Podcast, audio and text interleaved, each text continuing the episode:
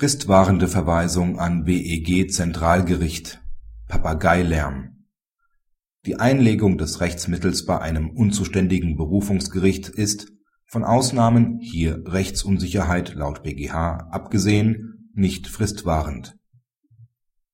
Die Kläger verlangen von den Beklagten Zahlung einer Vertragsstrafe aufgrund eines in einem wohnungseigentumsrechtlichen Verfahren geschlossenen Vergleichs die in erster Instanz teilweise unterlegenen Beklagten legen Berufung ein.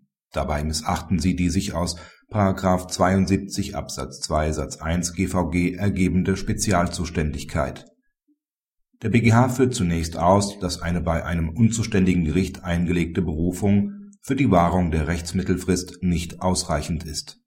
Eine Ausnahme ergibt sich jedoch, wenn in entsprechender Anwendung des § 281 ZPO die Berufung vor Ablauf der Rechtsmittelfrist in die Verfügungsgewalt des zuständigen Gerichts gelangt.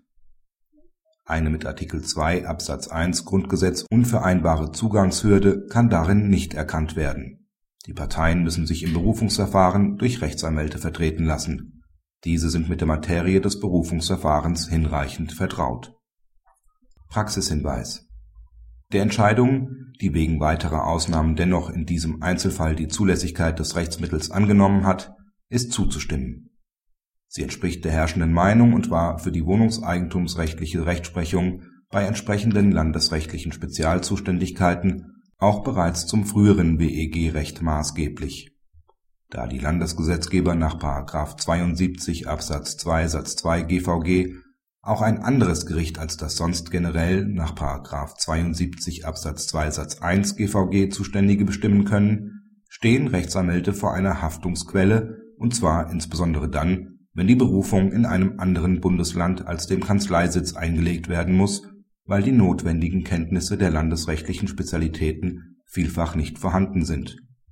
Um den aus dieser Situation erwachsenen Gefahren Herr zu werden muss der Rechtsanwalt entweder das jeweilige Landesrecht prüfen oder er muss sich, wenn ihm dies rechtzeitig nicht möglich ist, bei dem nach seiner Einschätzung vermeintlich zuständigen Berufungsgericht erkundigen, ob tatsächlich dieses angerufen werden kann